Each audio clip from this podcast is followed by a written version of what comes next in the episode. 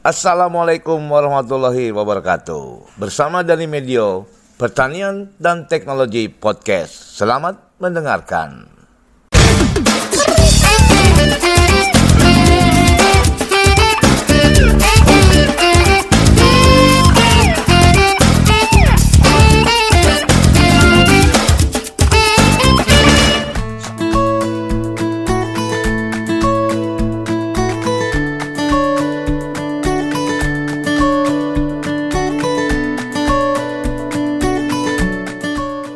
Assalamualaikum warahmatullahi wabarakatuh. Bertemu kembali dengan Dani Medio di podcast pertanian dan teknologi. Wow, sekarang saya punya tamu jauh nih dari Kalimantan Selatan. Seorang penyuluh pertanian, wah, yang pernah juga uh, mengisi acara podcast dan saya akan cerita nanti bahwa materi yang Sinta bawakan di podcast pertanian dan teknologi itu membawa uh, membawa podcast pertanian dan teknologi naik dan alhamdulillah bisa eksis sampai sekarang. Halo Sinta, Assalamualaikum. Waalaikumsalam Pak. Wah, Sehat Pak? Sehat, Alhamdulillah. Sinta sehat ya? Alhamdulillah. Ini Alhamdulillah. asik nih, saya punya tamu seorang penyuluh pertanian, saya juga penyuluh pertanian dan pengen ngobrol-ngobrol sama Sinta. Saya panggil Mbak Sinta ya. Boleh Pak, boleh. Sinta Anggreani STP ya? SP MSI. Pak. Oke, Sinta Ya. Anggreani SPMSI, penyuluh pertanian dari BPTP Balikbangtan, Provinsi Kalimantan Selatan. Betul Sinta? Betul. Ya. Wow, Sinta sekarang eh, lagi ini malam hari nih saya bisa kesempatan ngobrol sama Sinta nih hari Minggu kayak kejar wah pokoknya Sinta harus ngobrol di podcast pertanian dan teknologi. Oke Sinta Iya. eh, di tahun ini 2021 bahkan kita udah masuk tahun kedua di masa pandemi ya. Kemudian Sinta sekarang menjadi penyuluh pertanian yang di BPTP Kalsel. Sudah berapa tahun Sinta di BPTP Kalsel? Tiga tahun Pak, alhamdulillah. Wow, alhamdulillah tiga tahun. Kemudian pengalaman di Japung penyuluhnya masuk berapa Dua tahun? tahun. Dua tahun. Wah, saya ingin cerita dong selama dua tahun ini Sinta, seorang Sinta pengen atau menjadi penyuluh pertanian, apa yang dirasakan dialami selama dua tahun? Boleh dong cerita Sinta. Eh, boleh Pak ya, Oke. sedikit sedikit cerita. Awal awal mulanya itu Pak, eh, karena saya dari Jambi, Oke. waktu ke Kalsel tentu saja ada kesulitan bahasa ya Pak ya. Ya. Karena mayoritas masyarakat di sini menggunakan bahasa daerah kalau untuk di daerah-daerah yang eh, benar-benar masyarakat Kalselnya gitu kan. Bahasa daerahnya bahasa daerah apa? Da- bahasa Banjar. Oh Banjar, oke. Iya, jadi awal-awal ke sini tuh bener-bener yang blank banget, jadi lebih ngerti bahasa Inggris ketimbang bahasa Banjar ya. Bener-bener eh, tantangan gitu Pak. Iya. Tapi saya berpikir, wah saya yakin nggak sih bisa menguasai bahasa Banjar. Minimal kan untuk pengantar gitu ya. Iya. Setidaknya petani udah interest dulu sama kita gitu.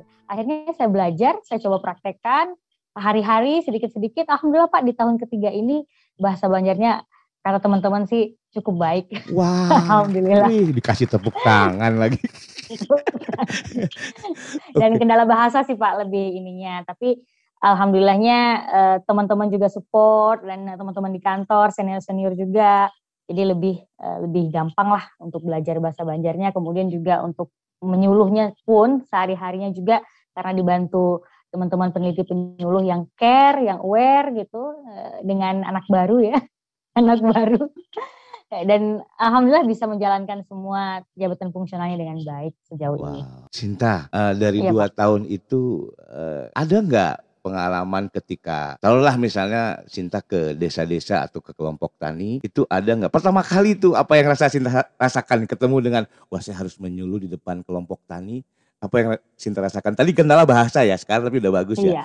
Dulu karena katanya bahasa pada ya. Yang Sinta alami selain bahasa apa tuh pas pertama kali berdiri di depan kelompok tani atau penyuluh-penyuluh di daerah? Nah, karena dulu Pak Sinta sempat eh, jadi dosen ya Pak ngajar di Oh, eh, salah satu universitas di Jambi. Jadi masih ke bawah-bawah cara-cara seperti Dosennya. mengajar. Oh, bener Iya. Pak. Jadi agak sedikit kawat sering kan eh, di perjalanan sama senior, Pak gimana dong saya ini eh, apa bang masukannya gimana Hmm. eh, untuk supaya apa yang saya sampaikan ini ngena dan dengan bahasa yang sederhana mereka bisa dapat gitu apa yang saya sampaikan gitu kan. Cerita sama Pak Yanuar, kemudian Iya. sama eh, Pak Taufik dulu. Iya. Beliau bilang yang penting kamu enjoy aja jadi jadi, jadi diri sendiri Mm. dan eh, apa yang kamu lakukan ya udah yang terbaik dan nggak usah diinget-inget lagi gitu nanti jadi beban gitu ya Pak. Jadi, Jadi ya pertama udah. kali karena pernah dosen gitu ya, pernah ngajar ke mahasiswa, Iya, Pak, jadi dianggap benar. mahasiswa gitu ya. Nah khawatirnya gayanya kan Eh. stylenya masih kayak gitu Pak, masih Bener, bener. menggunakan bahasa-bahasa yang ya mungkin agak gaul kan Iya. agak shock juga kalau untuk petani-petani di daerah ini ini anak kenapa ya? Tapi lambat laun kan lambat laun Sinta udah mulai belajar ini. ya. Wah. Iya, belajar lebih tertata, terstruktur Hmm. lagi bahasanya, kemudian benar-benar melihat satu persatu orang-orangnya petaninya Iya. seperti apa, terus petaninya. di awal pertemuan biasanya kita nyapa dulu mereka Iya. gitu kan. Ya yang kayak Bapak ajarin lah. Wah, itu memang memang pengalaman yang eh, nggak nggak pernah ada orang punya loh sebetulnya. Kalau kita guru beda, kemudian dosen beda. Ini kita sekarang eh, berhadapan dengan tentunya ada yang udah tua, cinta ya. Ada yang Benar, muda benar itu banget. yang apa namanya kalau pendidikan orang dewasa itu an- andragogi ya. androgogi. Eh, iya. itu itu betul-betul di, di apa diimplementasikan ya di di situ ya. Iya benar Pak. Dinamikanya itu gitu loh Pak. Jadi kadang-kadang di saat berjalan kita lagi melakukan penyuluhan menyampaikan sesuatu ke bawah-bawah gitu. Nuansa-nuansa. Jadi dosennya gitu. Asik. Baru ah udah pelan-pelan pelan-pelan. Istighfar dulu. Jadi itu sih Pak kendalanya di awal. Cuman alhamdulillah ke sini ke sininya terus Sinta juga sering minta masukan sama teman-teman senior ya. gitu. Gimana nih penampilan Sinta hari ini? Apa perlu masukannya apa gitu? Baiknya seperti apa ke depannya? Terus Sinta catet. Terus eh, Oke. Sinta inget-inget lagi kalau mau menyuluh Sinta harus seperti ini gitu Pak. Wah, itu itu yang harus dilakukan ya Sinta ya. Jadi kita harus Pak. juga belajar kepada orang lain, bertanya kepada orang lain gimana saya. Itu emang penting, itu penting dan tolong dong koreksi saya, tolong dong kasih masukan saya, saya harus begini. Wah, itu kadang-kadang orang kan nggak mau seperti itu, tapi emang kita harus seperti itu. Jadi untuk kemajuan kita, perbaikan kita ke depan juga. Wah, saya, saya yakin mungkin kita sekarang mah udah dalam jangka dua tahun kalau udah pengalaman jadi dosen, kemudian ketemu, wah. Masih ada yang ini, masih ada yang terganjal kalau menyuluh di lapangan? Enggak sih Pak, Enggak lebih ya? enjoy sekarang. enjoy. Malah Ah. rasanya pengen terus ke lapangan, pengen terus menyuluh. asik gitu ya Asik ketemu ya. sama petani itu asik banget. Aduh, gitu. Wah, eh, yang dulu pernah eh, pertama kali atau yang eh, materi-materi seperti apa Sinta yang pernah Sinta eh, apa sampaikan kepada petani? Eh, Sinta lebih ke penggunaan media sosial ya Pak, penggunaan Oke. media sosial. Hmm, Eh, terus menyampaikan lagi yang Bapak sampaikan yang Hmm. pertama kali kita ketemu dulu Pak, Iya. Yang di Banjar, iya. cara menggunakan handphone, bagaimana cara Oke. memanfaatkan handphone mereka supaya bisa menjadi konten, kemudian cara mengambil foto yang baik seperti Wah, apa mantap. gitu kan. Petani juga kan sekarang udah, udah pegang handphone ya. Nah, benar benar Hmm. Pak. Itu penting banget ternyata apalagi di era pandemi kayak gini. Iya. Ternyata handphone itu penting banget dan mereka update semuanya di handphone gitu. Ini ini penyuluh milenial nih, makanya ngomonginnya gitu. Wah keren banget ya. Terus ke mereka juga sebetulnya kalau ingin mencari sesuatu bisa dari handphone ya minta Benar. uh, informasi jadi bisa hubungi penyuluhnya juga kalau nggak bisa penyuluhnya bisa mencari dan bisa em, apa menanyakan ke ini bener nggak sih? Bisa ke penyuluhnya dan wah keren. Kalau misalnya tapi nggak ada kendala ya. Kalau di masa pandemi ini gimana? Jadi eh, apa yang eh, kendalanya? Kendalanya lebih ke memang kita jarang ke lapangan ya Pak, Ah. jarang ke lapangan, lebih ke aktifnya menulis Oke. eh, di website begitu. Kemudian juga lebih ke kalau saya pribadi nih Pak, saya berupaya di konten eh, apa ya Facebook pribadi Ah, Sinta, iya. kemudian Instagram juga selalu ada yang nuansa-nuansa pertaniannya gitu. Selalu Oke. seperti itu.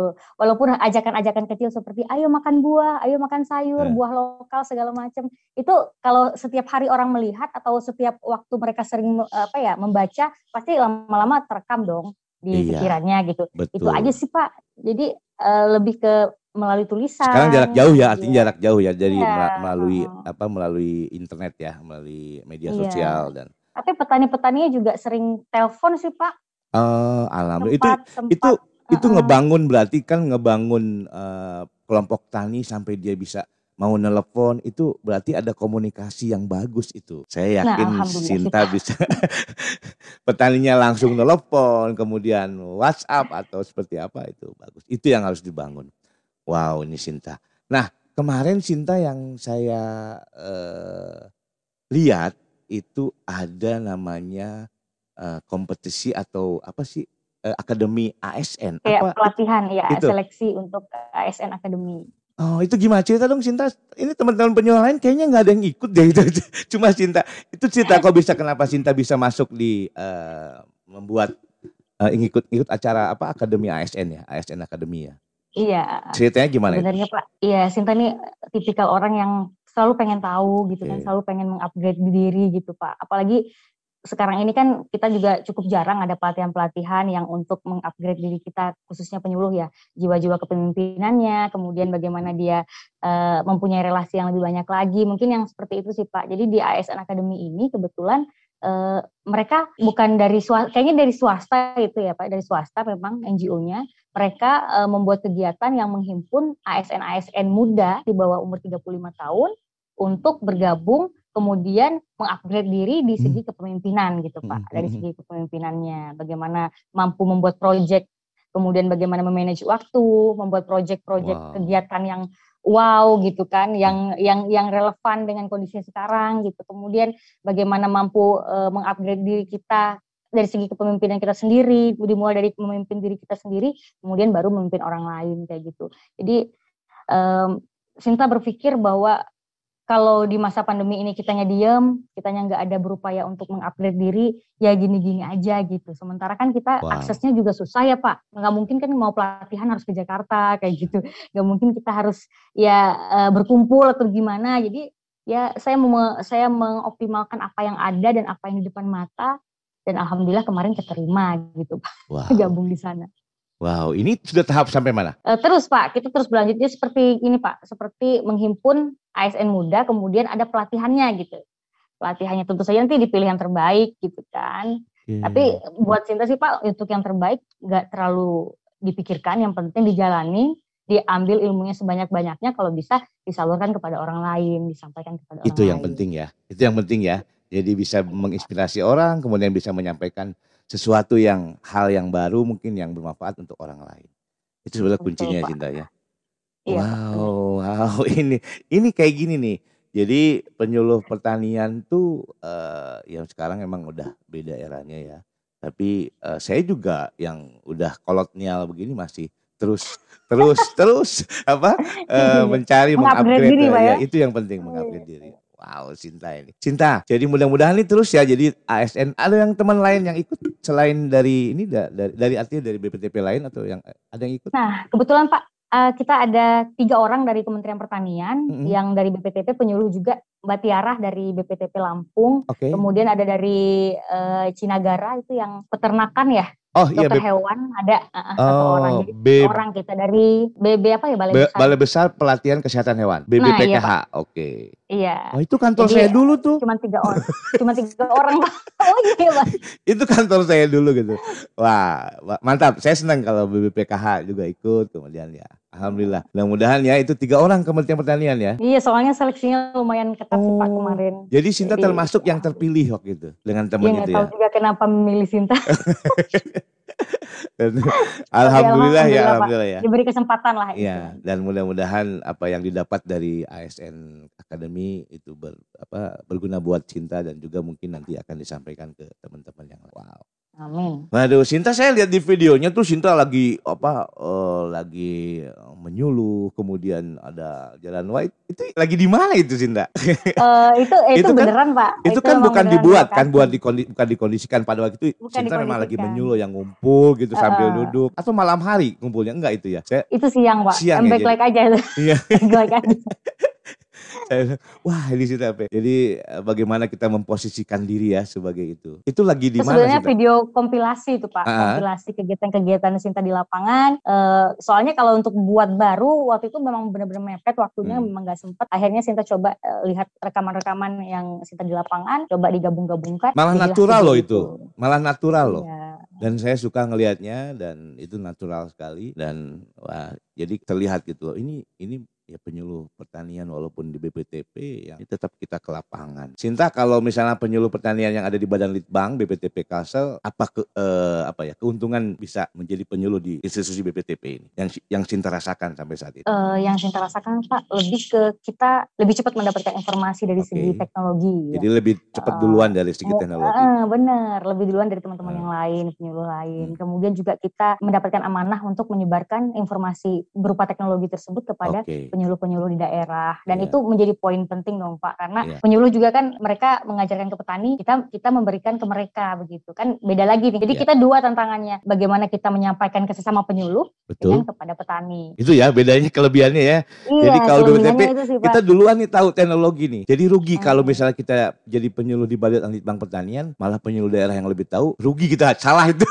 Harusnya kita aneh, duluan. aneh Aneh.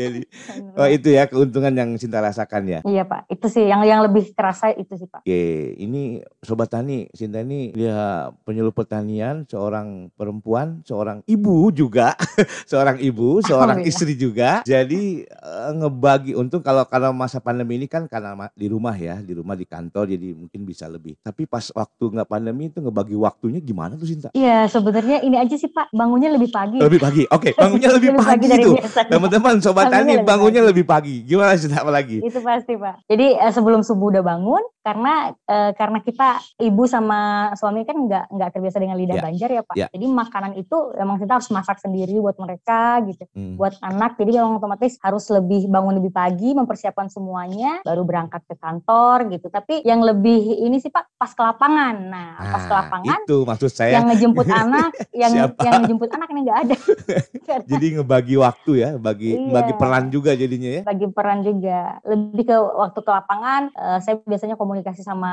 tempat penitipan anak supaya minta diantarkan anaknya pulang biasanya kayak gitu sih pak itu aja soalnya kan pulangnya suka Wow. malam ya pak Saya nggak bisa Pulang ngebayangin 10 Cinta. malam Nggak bisa Ah, ngebayang. Ini baru satu nih ya. Saya nggak bisa Iya, ngebayangin. makanya, aduh Tapi- bahaya Tapi ini. itu jangan jadi membuat kendor. Jadi tetap kita, tugas kita ya kepada negara dan juga tugas istri dan juga tugas ibu. Ini saya makanya kalau teman-teman yang penyuluh pertanian seorang perempuan, juga seorang ibu, juga seorang eh seorang istri gitu ya harus. itu Wow. kebayang pak ya Wow, wow. Salut, hari-harinya seperti salut. apa Saya angkat topi.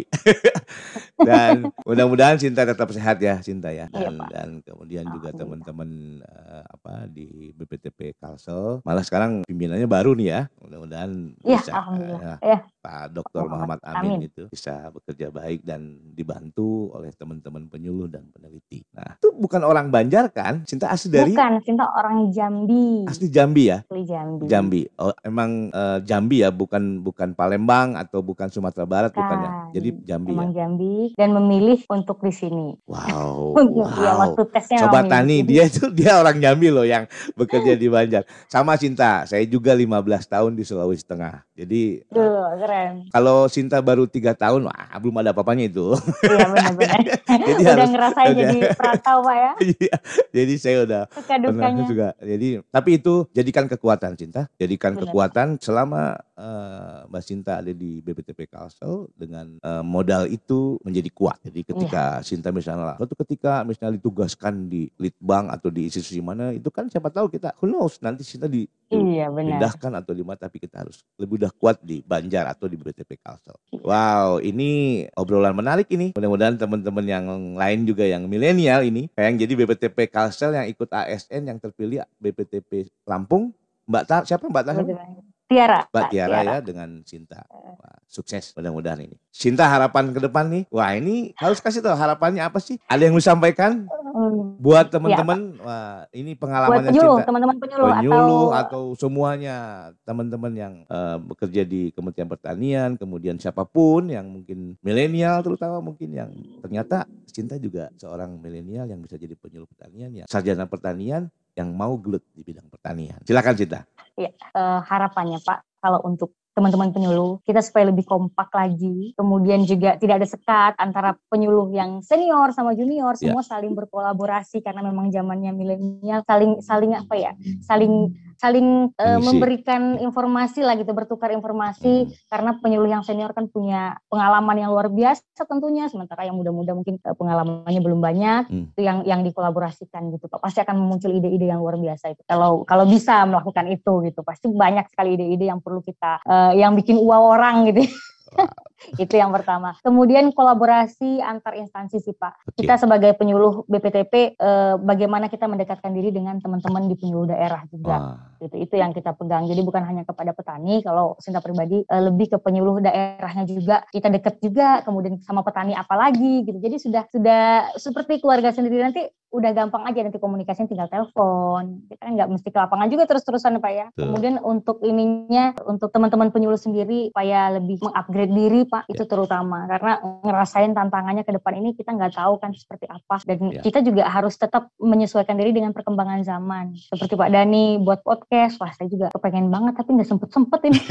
Tapi pokoknya memang kalau disempet-sempetin bisa Pak. harus harus nanti suatu, suatu ketika nanti eh, Sinta juga punya podcast sendiri kemudian kalau bisa dengan teman-teman BPTP punya gitu jadi yang mengolah Iya, iya Pak. saya harapannya seperti itu sebetulnya Iya, lebih ke teknologinya kita harus Iya. menguasai. Eh, Mau senior, mau junior, nggak ada nggak ada batasan umur mah kalau untuk belajar ya Pak ya. ya betul Tetap belajar Harus. terus gitu. nah ada lagi nggak ada lagi cukup Cukup itu aja Oke. sih Pak. Nah. Alhamdulillah bisa berbagi. Tapi Pak Dani luar biasa memberikan kesempatan saya untuk berbagi dan percaya eh, kalau Sinta bisa kan Bapak bilang. Pasti Sinta bisa. Ayo semangat lah. juga mudah-mudahan di habis nanti ASN Academy yang Sinta ingin eh, sampaikan silahkan Saya tuh Wow. kalau acaranya Pak Dani semacam memberi apa ya ngecharge, Ngecharge charge kembali ya, semangat. ya. teman-teman juga Harus Pak. alhamdulillah Ya, benar Pak. Wah, sobat Tani, saya udah ngobrol banyak nih sama Sinta sampai dia tadi eh, kendala bahasa, tapi sekarang udah tidak lagi. Kemudian itulah kalau kita latihan, latihan, latihan terus dan kita tentunya upgrade diri kita. Informasi apa pun kita belajar terus, belajar terus, belajar, belajar. Akhirnya kita eh, kuat. Iya, Sinta, sekali. makasih Iya, nih, Pak. Sinta Anggriani, Oke. SPMS. Oke, Sinta, makasih Sinta ya. Oke Pak, terima kasih Pak ya, makasih banget. Sehat selalu. Makasih kesempatannya. Ya, sehat selalu dan mudah-mudahan eh, keluarga, anaknya juga, ibu semua keluarga sehat. Alhamdulillah, amin, amin, amin ya Allah. Bapak juga semangat Pak, Terima kasih. selalu menginspirasi. Terima kasih Sinta sama-sama. Oke Sobat Tani dengarkan terus podcast saya Pertanian.